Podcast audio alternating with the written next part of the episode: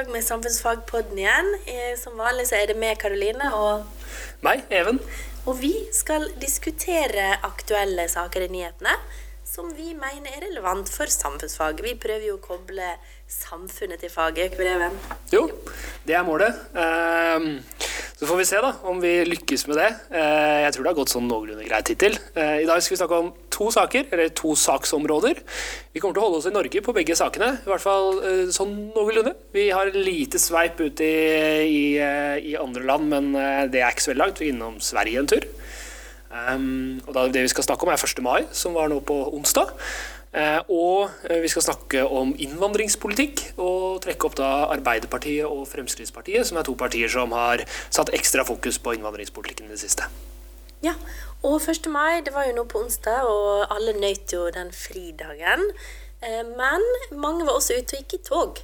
Og i Oslo i år så var det det største 1. mai-toget på mange år. Og eh, vi tenkte at vi skulle se litt på parolene der, for det gir et inntrykk om hva 1. mai kan brukes til. 1. mai er jo tradisjonelt arbeidernes fridag. Det er en fridag som har blitt forhandla fram av arbeidere i alle land. Internasjonal bevegelse der nå. Og den brukes til å rette fokus mot saker som har med rettigheter i arbeidslivet å gjøre. Eh, og i dag, eller i år, så sto det bl.a. Eh, 'styrk tariffavtalene'. Eh, rettferdig omstilling. 100 000 nye, nye klimajobber var et av. Vi krever likelønn var et krav. Um, hele og faste stillinger og seksdagersuka var også på programmet i Oslo. Så vi tenkte det kan være kan gi et bilde av hva det er som eh, rører seg i arbeidslivet i Norge i dag. Ja, og så er det jo en del begreper her, da. Hva betyr tariffavtale? Hva betyr omstilling? Eh, ganske mange eh, avanserte begreper, og det er jo fordi at 1. Eh, mai tar jo opp saker som er altså midt inn i det politiske Norge. Og det er veldig mange forskjellige organisasjoner som deltar. Det skal vi litt inn på etterpå. Men tariffavtale er jo en avtale som er gjort mellom eh, fagforeningene og, og arbeidsgiverorganisasjonene. Eh, og da er det jo NHO på den ene sida som, som, som, organiserer de som gir arbeid, eller, eller bedriftene. Og så er det LO som er den største på arbeidstakerorganisasjonene, som er de som, som eh, gjør jobb mot å få lønn. Um, og her i Norge så har vi jo vært kjent for å drive et veldig godt samarbeid her mellom arbeidsgiver og arbeidstaker. Så mens i andre land så er det mer sånn kampprega, så har man vært opptatt av gjensidig enighet. Takk for det. Jo. Og hvis, hvis, vi ser historien her, så har vi jo veldig mange tilfeller der hvor, eh, der hvor de store organisasjonene på hver side, NHO og LO, har vært enige om hvilken retning man må ta. Spesielt når vi har stått i situasjoner der hvor det har vært vanskelige tider i Norge. Hvor det har vært økonomisk vanskelig. Eh, under finanskrisa eksempel, så så vi et ganske tett samarbeid mellom eh, LO, NHO og, staten. Som er det vi kaller trepartssamarbeidet. Det var det vi ville fram til. Og sånn som det er nå, så er det jo en del hva, hva skal vi si, Vi har det jo bra her i Norge i arbeidslivet. Vi har god lønn, vi har masse fridager, vi har gode rettigheter når det gjelder svangerskapspermisjon, sykelønn og sånne ting. Men man kan vel si at det, den eh, velferden der er litt uh, i press, da. For det at det midlertidig ansettelse er jo noe som eh, nåværende regjering har på sakslista.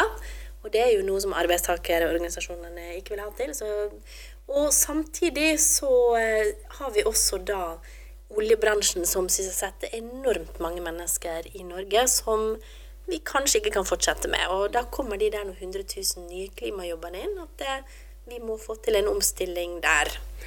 Eh, men så står det også 'anerkjenn Palestina, boikott Israel' her. Hva har det med 1. mai å gjøre, da? Nei, Hvis du spør de som gikk bak den parolen, så vil de si at 1. mai også handler om solidaritet. Eh, et begrep som handler om at man eh, at man, altså at man ikke er fri før alle er frie. Eh, og så eh, kan man jo diskutere, da. fordi at Israel-Palestina diskuterte vi når vi snakka om Golanhøydene tidligere, i tidligere podkaster. Vi kan godt gå tilbake og høre om, om den. Men det er jo en, en, konflikt der hvor det er uenighet om hvem som har rett. Det fins veldig mange mennesker i verden som mener at Israel har rett i den, den saken, og som kanskje også vil argumentere for at eh, ja, men Israel må få sine eh, kan ikke bli boikotta og må få sine rettigheter eh, anerkjent hvis alle skal være frie. Så det er jo en interessant eh, sak her, fordi det er, politisk det er betente områder. Og det er jo det 1. mai alltid har handla om. Det handla om ulikheter mellom folk, og, at man har vært uenige om, om retning. Og så har, har, man klart å samle folk på det, altså arbeidsfolk, da, som man sier, til å være enige om enkelte saker. Og det er jo det man ser her på parolene. at det, det er ikke alt. Det er ganske mye de er uenige om. I det 1. mai-toget i Oslo så går jo både eh, partiet Rødt og, eh, og eh, partier som, som, Arbeiderpartiet, og også enda mer sentrumsorienterte partier som f.eks. Senterpartiet kan være å finne i, i 1. mai-toget. Og dem er uenige om ganske mye. Rødt har ganske mange mye politikk som Arbeiderpartiet ikke er enig i. og og tilsvarende er det mye eh, politikk som, som, andre organisasjoner der mener. Så det er en, en mangfold, men så har man funnet noen saker man, man har klart å, å, enes om. det. Ja, og eh, det var jo Vi har sett på en sak der Ungdomspartiet har fått lov å uttale seg om 1. mai, og der så vi jo tydelig at det er de forskjellige partiene på høyre- og venstresida har forskjellige meninger om 1. mai. Og noen av dem vil til og med ikke gå i 1. mai-tog. Hvem var det som ikke ville det? Nei, FBU. Eh, som er ungdomsorganisasjonen til Fremskrittspartiet. Og dem sier jo, og det er jo viktig også å få en balanse her. Eh, og, og, lederen av eh, Fremskrittspartiet Ungdom, Bjørn Kristian Svendsrud, sier at det er viktig å markere og synliggjøre de utfordringene arbeiderne står overfor, men dette kan gjøre på en langt bedre måte enn gjennom dagens 1. mai, skriver han. Og han sier også at det er et skammelig politisk spill og ikke noe han vil delta i, og refererer til at det er en, en dag som, som har blitt politisk politisert på, på en, måte en sånn feil måte, da. Eh, og at det, det Politisert, altså det blir gjort til politikk. Ja. Partipolitikk mener han vel da, for det, politikk driver jo alle sammen med. Og Så kan vi jo gå videre i den politiske skalaen og se på Unge Høyre, hva dem har å si. Og, eh, og Leder av Unge Høyre, Sandra Bruflot, som for øvrig er fra Buskerud, som er det samme fylket som oss, hun sier at mange av de viktigste kampene er kjempa ferdig. Eh, og sier videre at det er fint at vi har en dag der jeg kan markere eh, sjøl om mange av de største og viktigste kampene er kjempa ferdig. Eh, og Bruflot skulle ikke gå i, i, toget, men det er flere viktige saker å ta fatt i på arbeidslivsfronten i dag. Og hvis hun må velge én, så er det spesielt at kvinner jobber ufrivillig deltid, som jo er en av hovedparolene fra LO sin side. Så hvis Sandra er veldig opptatt av det, så kunne hun gått i et 1. mai-tog og gått bak den parolen. Ja, Vil du se på en av de andre, kanskje? Ja, skal vi se. Nå spratt opp her. Men eh, SU de mener jo at det er eh, ikke Senterpartiets ungdom, men det er vel SVs ungdom. For dem er det her en veldig viktig dag, og det kan jo ha litt med at de er sosialistiske et sosialistisk parti. De hører til på venstresida. Et av de såkalt røde partiene. Og eh, lederen der, altså ungdomspartiets leder, Andreas Skjalg Underland, han sier at det er en av årets viktigste dag, og skal selvfølgelig gå i tog. Fordi at han sier vi må ikke glemme at mange av de beste tingene med Norge har blitt til gjennom innsatsen til organiserte arbeidere. Og da er det arbeidsmiljølova han peker på, og rettighetene som vi har da i arbeidslivet. Og det er mye kamp som ligger bak de her. Men han nevner også det at kloden blir varmere. Eh, så både miljø og eh, arbeidslivsrettigheter mener han at vi, kan ikke hvile oss eh, nå, selv om vi har oppnådd veldig mye, så må vi jobbe fortsatt også. Og han fokuserer også på de unge, at veldig mange unge opplever lovbrudd på arbeidsplassen. Så han mener at rett og slett det handler om kunnskap også. Så det kan jo 1. mai være, faktisk. Eh, en dag der man eh, øker bevisstheten sin om de rettighetene vi har, og hvilke kamper som, som må kjempes. Selv om veldig mange ungdom kanskje er mer opptatt av russetid rundt 1. mai da, enn å lese paroler. Men da gjør sånn. vi det for dem. Ja. Senterungdommen sier at det fremdeles er kamper å ta, eh, og retter fokus mot EØS-avtalen.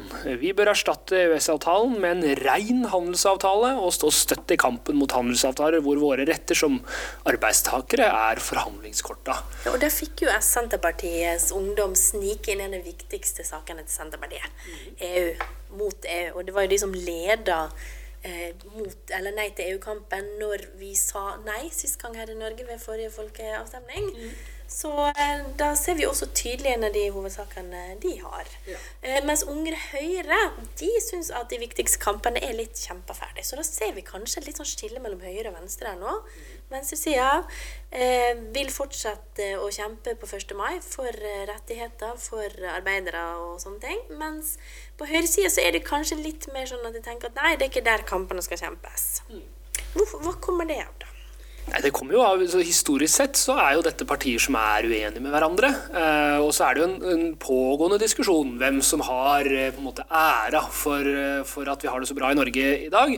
Den diskusjonen skal ikke vi ta, for det blir en diskusjon som på en måte blir veldig teknisk. Men det vi kan se på, er de forskjellige tingene som har skjedd opp igjennom. Og det er klart at arbeiderbevegelsen, og da snakker vi ikke nødvendigvis bare om det politiske partiet Arbeiderpartiet, men, men også om LO og, og, og, og, på en måte dem som organiserer arbeidstakere. Dem har kjempa mange kamper opp igjennom, og, helt klart fått gjennom mye som har gjort at vi, har, vi er der i dag eh, hvor, vi, hvor vi er. Um, og, og høyresida har jo veldig ofte vært skeptiske til de reformene eh, som, som, LO og Arbeiderpartiet har jobba fram. Også SV selvfølgelig i nyere, litt nyere tid, da, fra 1950-tallet. Men interessant nok så eh, sier kildene at det datoen ble innført som fridag i Norge av ministerpresident Vidkun Quisling i 1942, da som arbeidets dag etter tysk forbilde. Det lukter jo ikke akkurat venstresidepolitikk og arbeiderbevegelse. Så det her eh, eh, Tyskland hadde skapt denne fridagen, står det her, eh, for å ta 1. mai vekk fra sosialister og radikale. Så det er en dag det har vært mye kamp om, kan vi si. Eh, men vi kan jo si at her i Norge er det enighet om at det er en dag som er viktig, og den er en offisiell eh, fridag. Og vi oppfordrer selvfølgelig elevene våre til å gå ut i gatene og finne en parole som de er enig i, hvis de eh, er opptatt av det. Mm.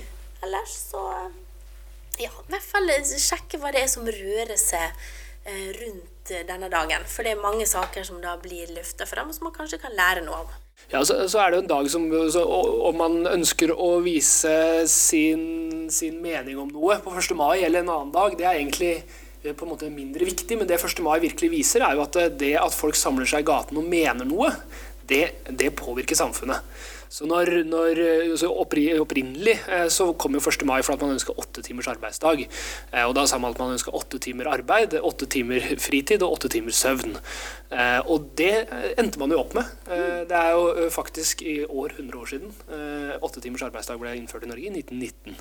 Og det er klart at det, Når man ser tilbake til da, så ser man at det, ok, her har vi en, en kamp noen har kjempa og, og, og, fått det til. Og det er klart at det gjorde det bedre å, å jobbe på, på norske arbeidsplasser plasser. Og så ser vi dagens kamper, som de unge kjemper. Og det er jo, uh, er jo uh, Greta, som vi har om, uh, Greta Sundberg, som vi har snakka om tidligere.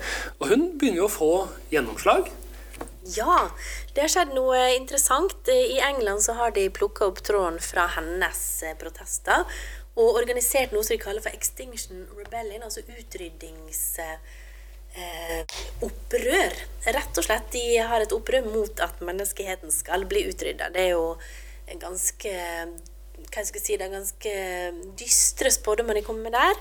Men de er enig i det hun sier. Hun har sagt at det her må behandles som en krise, og de har nå holdt på en uke med forskjellige ganske sånn forstyrrende protester i hovedstaden. De har limt seg fast, faktisk, eh, her og der.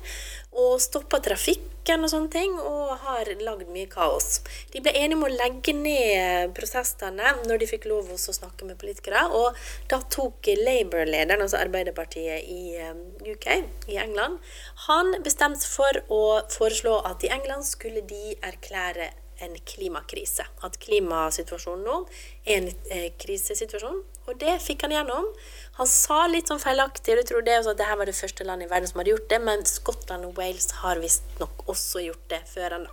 Men altså, det er ikke noe å, å, krangle om, vel, for det må jo bare være positivt. Eh, så her ser vi et eksempel. Når vi har fulgt Greta gjennom de elleve podkastene vi har lagd, så har vi liksom sett at det hun har virkelig kommet, slått gjennom med sitt budskap. Mm. Og det, og det, er, jo, det er, jo, gøy, og det, det er jo til inspirasjon for, for de fleste. Og så har vi andre situasjoner der hvor folk tar til gatene som kanskje ikke er så hyggelig. Eh, og 1. mai så var det da Overskriften er 'Seks nordmenn anholdt under svensk nazidemonstrasjon'. Og da er det da den, eh, den nordiske motstandsbevegelsen, som de kaller seg, som har tatt til gatene. Eh, og dem ønsker da å bli kvitt innvandring, og er særdeles innvandringskritiske. Og blir omtalt som nazistiske. og og med det støtter eh, nazistisk eh, ideologi, en forståelse av at det er forskjell på folk. Og ja, ut etnisitet. Og det er jo spesielt muslimer de da vil eh, markere motstand mot. Og mye av det her bunner jo i en sånn konspirasjonsteori som florerer fritt på nettet, både her i, i Norge og i Europa og Vesten ellers. Og det er jo den Eurabia-teorien om at her kommer det organisert innvandring fra muslimske land, og målet er å erstatte da vestlige innbyggere av etnisitet fra landet. Eh, gjennom bl.a. å føde en haug med barn. Så det er en ganske eh, paranoid forestilling som ligger bak, og det fører til, det fører til ekstreme reaksjoner. Og, og, så kan man jo spørre seg da, ja, hvorfor blir folk arrestert på 1. mai? De gikk jo tog på lik linje med, eh, med andre. Forskjellen her er at de i, fikk motdemonstranter, og det utvikla seg voldssituasjoner som var ganske alvorlige. Eh, men i utgangspunktet så har, jo, har man ytringsfrihet, så i utgangspunktet man, man kunne, kunne si det man vil. Men spørsmålet, eller der hvor det stopper, er når det blir hatefullt, og, og, og hvor det er dominert av trusler. Da, det var jo også eh, vold her. Den siste ja. gikk løs på politiet med ja skjold og stokker, og det ble kasta stein. Men det var også fra motdemonstranter som var venstreekstreme. Og jeg tenker kanskje du snakke litt om det der venstreekstreme og høyreekstreme. Er, det, er du innenfor det politiske spekteret da, eller skal vi si at de, det, vi har ingen parti på, som er inne på Stortinget i Norge i dag, som må høre under det. Så bare sånn det er sagt. Vi har parti på venstresida og på høyresida, og de er helt legitime. Det betyr at de har eh, Det er helt lov å stemme alt innenfor den linja. Men så, når vi snakker om ekstremisme, så er det jo da holdninger som ikke hører hjemme innen et demokratisk samfunn. Kan vi si det sånn, eller? Ja, og, og gjerne, gjerne, ting som er så, så, langt ute at det gjerne også bryter med loven. Ja, altså, altså det er, har jo lov til å si noe om hatytringer mm. og rasisme. Ja. Og, og, og, da kan man jo se for seg at du, du har den klassiske høyre- og venstreaksen, og, og, som du sier, de fleste politiske partiene i Norge er innafor den. Eh, også I tillegg så har vi på en måte ut, på, på høy, til høyre for Frp så har vi fortsatt en del luft før vi er ute på, på høyreekstremt nivå. Eh, ganske, du skal trekke den linja et ganske godt stykke videre. Og på, samme på venstresida, fra Rødt og ut til de venstreekstreme partiene, så har du også ganske mye luft. Hvis du ser på norsk politikk sammenligna med amerikansk politikk, så har du en del amerikanske partier, bl.a. det republikanske partiet, som ville ligge til høyre for Frp. På en høyre-venstre-akse. Klassisk høyre-venstre-akse. Mange av de, de fleste norske partier vil vel ligge til venstre for Kanskje til og med Demokratene. Fordi vi er så glad i velferdsstaten og statlig styring her. Ja. Og, og, det betyr heller ikke at det republikanske partiet i USA er eh, høyreekstreme. Langt derifra. Eh, men eh, det betyr at eh, vi må ganske langt ut for å finne disse, disse gjengene. Og når vi har da norsk, nei, nordisk motstandsbevegelse her, så er det virkelig av de aller verste. Her er det snakk om folk som demonstrerer med, med skjold og batonger. Ja, og de gjør nazihilsener og sånne ting som jeg egentlig ikke hadde trodd vi skulle se i gatene her i Norden, egentlig. Og det har eskalert ganske mye de siste åra det er langt utafor hva som er akseptabelt for oss. Og, og, og, til og med som lærere så er vi her ute på et såpass nivå at, at det her er ikke akseptabelt. Det er ikke, det ikke innafor det vi syns er greit som samfunn i Norge. Eh, og det er holdninger vi, eh, vi rett og slett har som oppdrag å, å Det står forankra i læreplanen at rasisme og ekstremisme har ingen plass, så det skal vi aktivt være med å forebygge.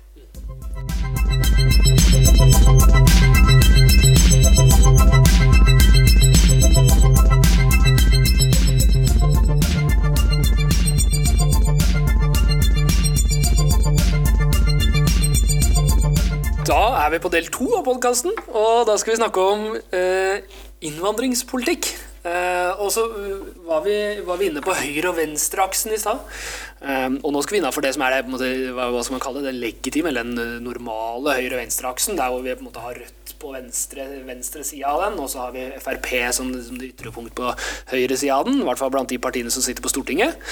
Og nå skal vi se på hva de, disse partiene har sagt rundt innvandringspolitikken sin. Og da skal vi få fokus på Arbeiderpartiet og på Frp. Og Sylvi Listhaug holdt jo 1. mai-tale i, eh, i Drammen. Hva var det hun sa for noe der? Du, ja, for det var jo når hennes ungdomspartileder mente at det her var eh, ikke noe han ville delta i, så har hun kanskje bestemt for å ta litt eh, eierskap til den dagen sjøl, selv, selv om hun hører til på, på høyresida. Og hun brukte talen sin til å snakke om innvandring. Eh, hun slo gettoalarm, sier VG. Og eh, hun har jo vært opptatt av det hun kaller for svenske tilstander, og reist mye til Sverige, der de har tatt inn mange flere ikke-vestlige innvandrere de siste året pga. Syriakrigen. Og så har de tatt imot ja, det er snakk om over 100 000 i hvert fall. Vi kan legge ut lenke til tallet etterpå, men det er mye mer enn vi har tatt imot her i Norge. Og det har vært en del problemer, da, sosiale problemer i forsteder utenfor både Malmö og Göteborg. Og der det har eh, Mange folk eh, av samme bakgrunn har, eh, bor sammen i kanskje litt sånn dårlige leveforhold og mye kriminalitet. Og det har vært opptatt av å forebygge her i Norge. Og pga. det så vil hun da stramme inn. Hun og Frp vil stramme inn på innvandringa, og de vil føre regnskap har de snakka om. Og se på, eh, litt mer på hva kostnadene av innvandring i Norge har. Ja, og de sier jo i denne eh, rapporten sin at det er, ingen, det er få ting som har påvirka eh, norsk samfunnsliv så mye som innvandringa. Og det, eh, det, kan det jo hende de har rett i, så er spørsmålet om det er positivt eller negativt. Eh, jeg er veldig fornøyd med veldig mange ting som innvandring har tatt med seg til Norge, som gjør at jeg syns vi har et mer spennende og kanskje mer eh, variert eh, kultur- og samfunnsliv. Eh, og så er Frp litt opptatt av, av, hva det her koster oss, og gjerne i kroner og øre på statsbudsjettet. Og, og, det er jo i og for seg en grei ting, det. ikke sant? Altså, vi snakka om hva som er innafor, og hva som er innafor i, i det politiske. Og det her er meninger som er helt innafor. Vi kan ikke eh, Det er ikke høyreekstreme meninger overhodet. Nei, og det har jo skjedd noe i debatten. Altså, akkurat debatten om innvandring i Norge er vanskelig. For det blir veldig fort polarisert, sånn som vi liker å snakke om, polarisering. At de som er for, blir veldig for, og de som er imot, blir veldig imot. Og så kaster de gjerne litt sånn eh, gjødsel på hverandre. Nei, hva et stygt ord? Kaster stein på hverandre. Eh, fra skyttergravene og bruker mye energi på personkarakteristikker og, og sånne ting. Personangrep. Eh, men det vi ser nå, er jo at Arbeiderpartiet og Frp sin innvandringspolitikk egentlig er ganske på linje. Ja. Så, uh, Noen mener i hvert fall det. uh, Dagbladet sier jo det. At uh, I sin kommentar så sier det at Ap er stort sett på linje med Frp i sin asyl- og innvandringspolitikk. Og det var jo på landsmøtet til Arbeiderpartiet at de vedtok en ny, ny innvandringspolitikk. Og der vedtar de bl.a. at du ikke lenger får kollektiv beskyttelse. Og her kommer vi inn på avansert juss, men det handler om at du må være individuelt forfulgt. Det vil si at hvis du kommer fra Syria, eh, f.eks.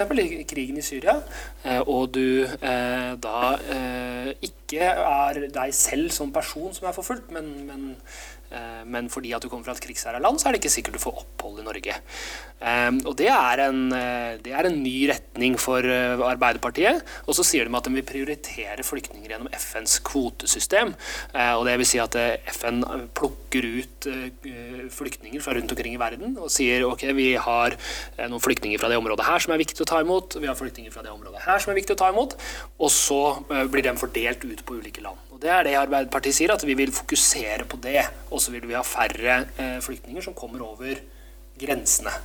Og uh, her sier jo Frp, uh, også i sin, sin 1. mai-tale, at Arbeiderpartiet, Arbeiderpartiet har flytta etter Frp.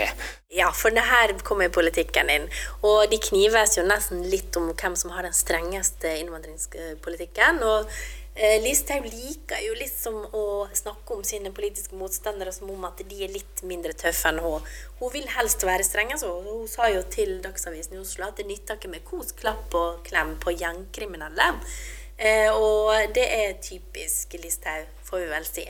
Eh, og da mener hun at de andre partiene har vært for snille, rett og slett. Men som, sånn som når eh, Dagbladet ser på den faktiske politikken, så er ikke det sikkert at det, det stemmer, da. Men mye av hvordan man prater om det her, kan jo kanskje være vel så relevant, da. Og hun fikk jo trøbbel hun måtte jo gå som minister sist gang. Hun er jo nettopp blitt utnevnt til minister igjen. Men hun måtte det pga. måten hun prater om ting på. Hun bidrar sjøl til en polarisering i debatten. Da. Så, eh, men selve innholdet er ikke sikkert det er så forskjellig. Og egentlig Det som, som, er viktig for oss å si her, er at innvandring og integreringspolitikk også Det første utfordringa er kanskje at vi ofte prater om innvandringspolitikk. Og så snakker vi veldig lite om integreringspolitikk. Altså hvordan hvordan folk som kommer til Norge skal få muligheten til å bli en del av samfunnet vårt på en god måte. Det er kanskje det viktigste vi snakker om. Både samfunnet og de som kommer? Ja, og da er vi inne på sosialisering og hele den biten her. Så, og, men, men som også er viktig å si her, er at det her er veldig avansert. Innvandringspolitikk er et vanskelig område, utfordrende, fordi det er mye sånn juss, altså det er mye paragrafer. Jeg kan gå inn og, og lese under utlendingsloven. Det er en internasjonal lov også i forhold til FN og kvotesystemet der, ja. Så, så vi vil egentlig oppfordre elevene våre til å liksom, ikke, ikke, ta bastante konklusjoner i den innvandringsdebatten. Prøv å lese dere opp, prøv å kikke på hva er det de ulike partiene mener, og, og prøv å eh, ta et steg tilbake. Og ikke la seg på en måte dra med i den derre Følelseladde, eh, ja. kanskje. Mm. Og så har man jo i norsken snakka om etos, eh, logos og patos, og eh, veldig ofte så brukes patos i, i innvandringsdebatten, som handler om følelser, og da spiller det enten på vår empati eller medfølelse for de som er på flukt, eller så spiller man gjerne på frykt for hva det som innvandringa kan bidra med. Og når man får en sånn følelsesmessig debatt, så blir det ikke nødvendigvis basert på hva som er riktig eller galt, eller man tweaker kanskje litt på, på, ting for å få det til å passe inn. Um, Se heller på tallet eller på fakta. Vi skulle også snakke litt om tall. Eh, fordi at Politikere er ofte glad i å bruke tall, og vi oppfordrer jo nettopp til å se på tall og fakta, men det er ikke alltid at de tallene heller gjør oss så mye klokere. Eh, F.eks. når eh, Frp snakker om prøve, hva jeg si det, de, de tegner et bilde av at Norge har fått enorme kostnader siden vi begynte å slippe inn innvandrere, eh, ved å vise til en statistikk som viser hva er det de viser, da? De viser kostnader på statsbudsjettet i forhold til innvandring, eller? Ja, altså, de viser til flere forskjellige ting i rapporten sin. Eh, det konkrete eksempelet hvor vi kan bruke statistikk, det går jo på De viser til hvor mange som har kommet til Norge. Og at vi, har, vi hadde 3000 innvandrere fra Asia og Afrika i 1950, og i dag så har vi 445 000, tror jeg det var. Eh, og det høres jo voldsomt ut. Og så er jo spørsmålet hvordan man regner det, da. Det det, ikke, det, har ikke vi sjekka ut. Nei. Men her kan det f.eks. være sånn at man regner flere generasjoner i tid eh, som innvandrere. Vi vet jo bl.a. At, eh, at man kan ha innvandringsstatistikk, eh, finne innvandringsstatistikk i Norge som gjør at eh, kongen eh, regnes som innvandrer. Fordi at kongen er jo da tredje generasjons innvandrer til Norge. For hans bestefar var eh, ikke norsk, han var dansk. Eh, og, og, det påvirker jo eh, hvordan eh, hvordan statistikken fungerer. Ikke sant, og det er nok ikke det med altså begrepsbruken, også innvandrere. altså Når vi tenker, når ordet innvandrere blir brukt i debatten, så er det ofte at det, man ser for seg innvandrere fra ikke-vestlige land. Men eh, de største gruppene er jo eh, polakker, som er, er EU-innvandrere fordi vi er med i EØS. Og så har vi selvfølgelig mange innvandrere fra vestlige land og fra nordiske land. Eh, så begrepsbruken er ikke alltid så presis heller. Og da kan det være sånn at man bruker tall av og til for å understreke et poeng istedenfor å gi en faktaopplysning. Og det eh, er det parti på begge sider som gjør. Vi har jo heldigvis en god faktasjekk her i Norge som heter faktisk.no.